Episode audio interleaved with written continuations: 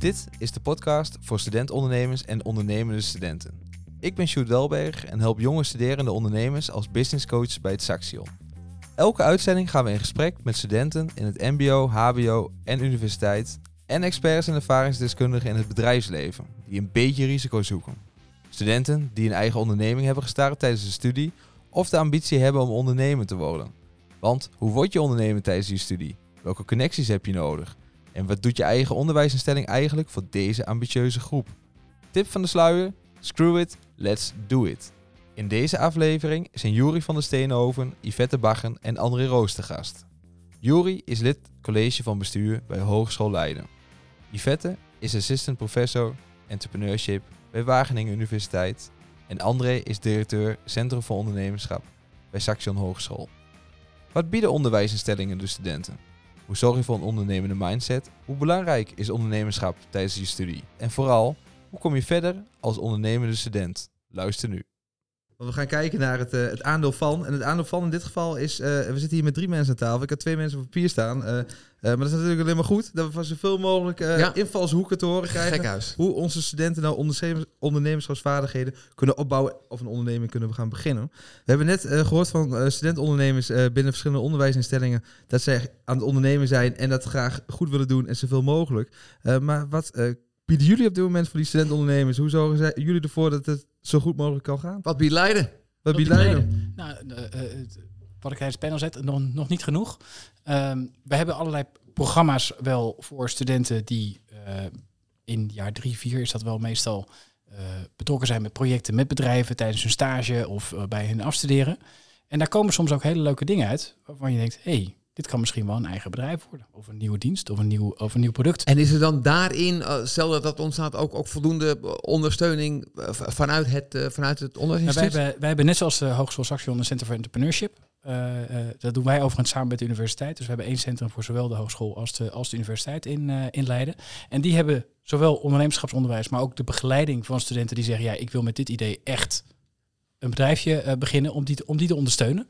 Uh, dus daar, hebben, daar helpt dat centrum uh, bij. Wat, wat je noemt het Saxion, uh, Centrum voor Ondernemerschap, Centrum voor Entrepreneurship. André, vertel, wat, wat doet het Saxion dan wel als je als het leiden kan leren van het Saxion? Ik, ik hoor dat ze ook een mooie, mooie club hebben die, dat, die daarin helpt. Dus misschien moeten we daar ook eens wat meer verbinding in, in hebben. Um, je kunt niet met het hele land verbinden tegelijk in elk geval. we verbinden met, met Leiden nog niet, maar wel met, uh, maar wel met uh, de Han. Hè, dus dat is Arnhem-Nijmegen en bijvoorbeeld met Windesheim in Zwolle. Dat is ook wat dichterbij. Um, wat wij doen, uh, wij bieden studenten de gelegenheid om een minor te volgen. Eigenlijk hebben we twee minoren inmiddels. Eentje voor als een soort instroom en eentje voor de gevorderde. En de gevorderde, dat, die zetten in om werkgever van de toekomst te worden. En wat we daarnaast hebben zijn programma's ook buiten het curriculum. dus je kunt ook ondernemen voor je bijbaan. Uh, dat is ook heel erg populair, want dan uh, geven studenten de gelegenheid om uh, in 20 weken tijd 1000 euro winst te kunnen gaan hebben. Moeten ze wel knalhard voor werken, maar ja, dat hoort ook bij ondernemen, denk ik. Dus dat, dat hebben we ook. En om hem af te sluiten, we hebben een paar incubators waar ze kunnen werken. We hebben een investeringsfonds wat we kunnen inzetten om de eerste groei aan te jagen. Um, en we hebben een geweldig netwerk van coaches. Ik wil een vraag niet vet stellen, omdat zij heel veel weet leren instituten voldoende van elkaar? Ik begrijp dat als je in Deventer zit, het Leiden echt heel ver weg is. Dat begrijp ik ook wel. Je hebt echt geen idee van mijn dagelijkse schema's. Maar leren instituten voldoende van elkaar, denk jij, in Nederland? Nou, hele goede vraag. Ik uh, denk dat we al veel van elkaar leren, dus dat er veel goed gaat, maar ook dat er nog heel veel kansen liggen.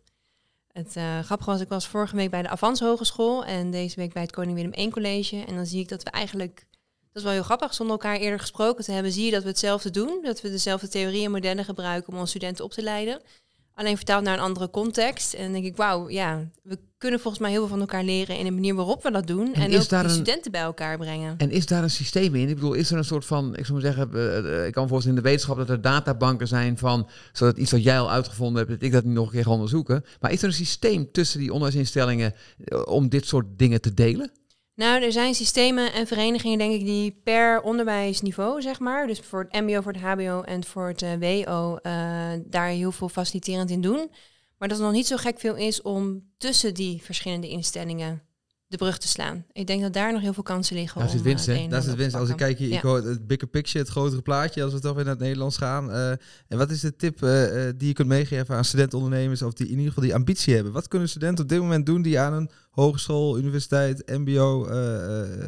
Nou, waar ik heel blij mee ben, is dat eigenlijk vrijwel iedere MBO, HBO en WO-instelling nu wel iets van een start-up heeft, een student incubator, ondernemerschapsonderwijs aanbiedt. Daar, ga daar naartoe. Daar begint het volgens mij.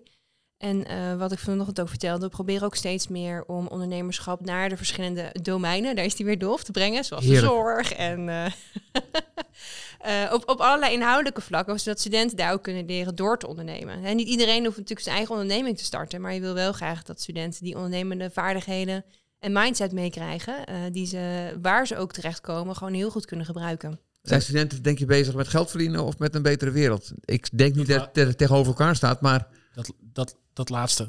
Veel meer. Ja. En dat was anders in de jaren 80, 90. Toen ging het echt om eh, ondernemen is geld verdienen en rijk worden. hè. Wall Street eh, eh, eh, was toen eigenlijk het, eh, het, het grote ideaal waar je, hè, je, wilde, je wilde voor een bank werken, want dan kon je heel veel geld verdienen. Dat was in de jaren 80, 90 eh, was dat heel interessant. Huidige generatie studenten totaal niet. daar ben ik toch hoopvol. Daar, ben, daar word ik, Ik- weer ik hoopvol van. ik ben heel over de jongen absoluut veel hoopvoller. Ja, en in Leiden, studenten Leiden, waar moeten ze naartoe? Waar moeten ze zich melden?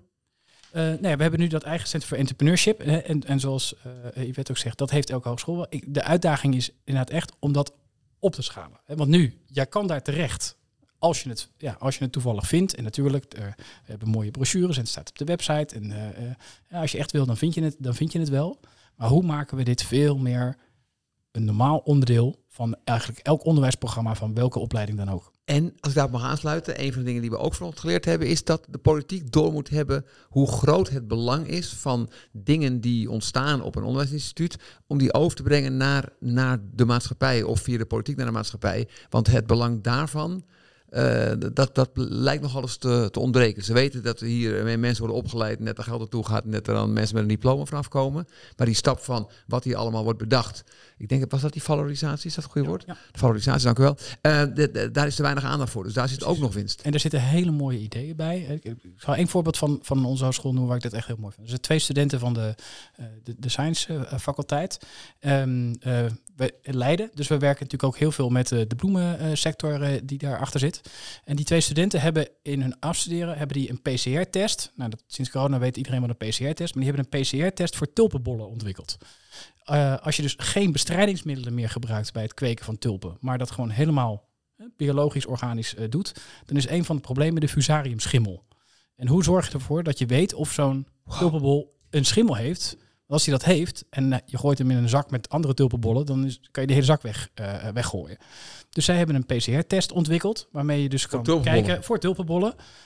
waardoor dus die bloemensector, in plaats van met heel veel bestrijdingsmiddelen, nu zonder bestrijdingsmiddelen bloemen kan gaan kweken. Nou, dat is natuurlijk voor verduurzaming een enorm effect. Nou, het gaat over dit soort praktische Ja. voorbeelden. Samenwerken dus. Samenwerken en impact maken. Ja, en gewoon doen.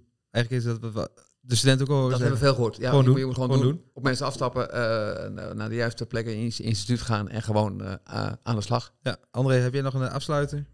Ja, ik, ik, weet je, eh, de dingen zijn genoemd. Het gaat over de studenten bereiken, dat ze, dat ze ons kunnen vinden. Te vaak hoor ik nog studenten die zeggen, goh, wat zonde dat ik dit niet eerder wist dat dit er is. En eh, oud-studenten, alumni, die zeggen heel vaak, oh, had ik dat maar tijdens mijn studie gehad, was ik veel eerder gaan ondernemen, was ik veel verder gekomen.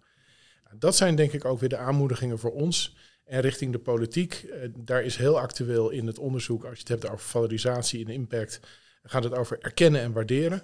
Nou, ik denk dat dat eh, hetgene is wat, eh, waar we echt een stap eh, moeten maken. Want dan kunnen we die opschaling ook realiseren. En in die opschaling ga je ook meer met elkaar werken. En dan wordt het nog beter van. Mooi. Dankjewel. Mooie laatste woorden. Sluit ik het hierbij af. Ja, of ik. Nee, jij. Dankjewel, Dolf. Dankjewel allemaal.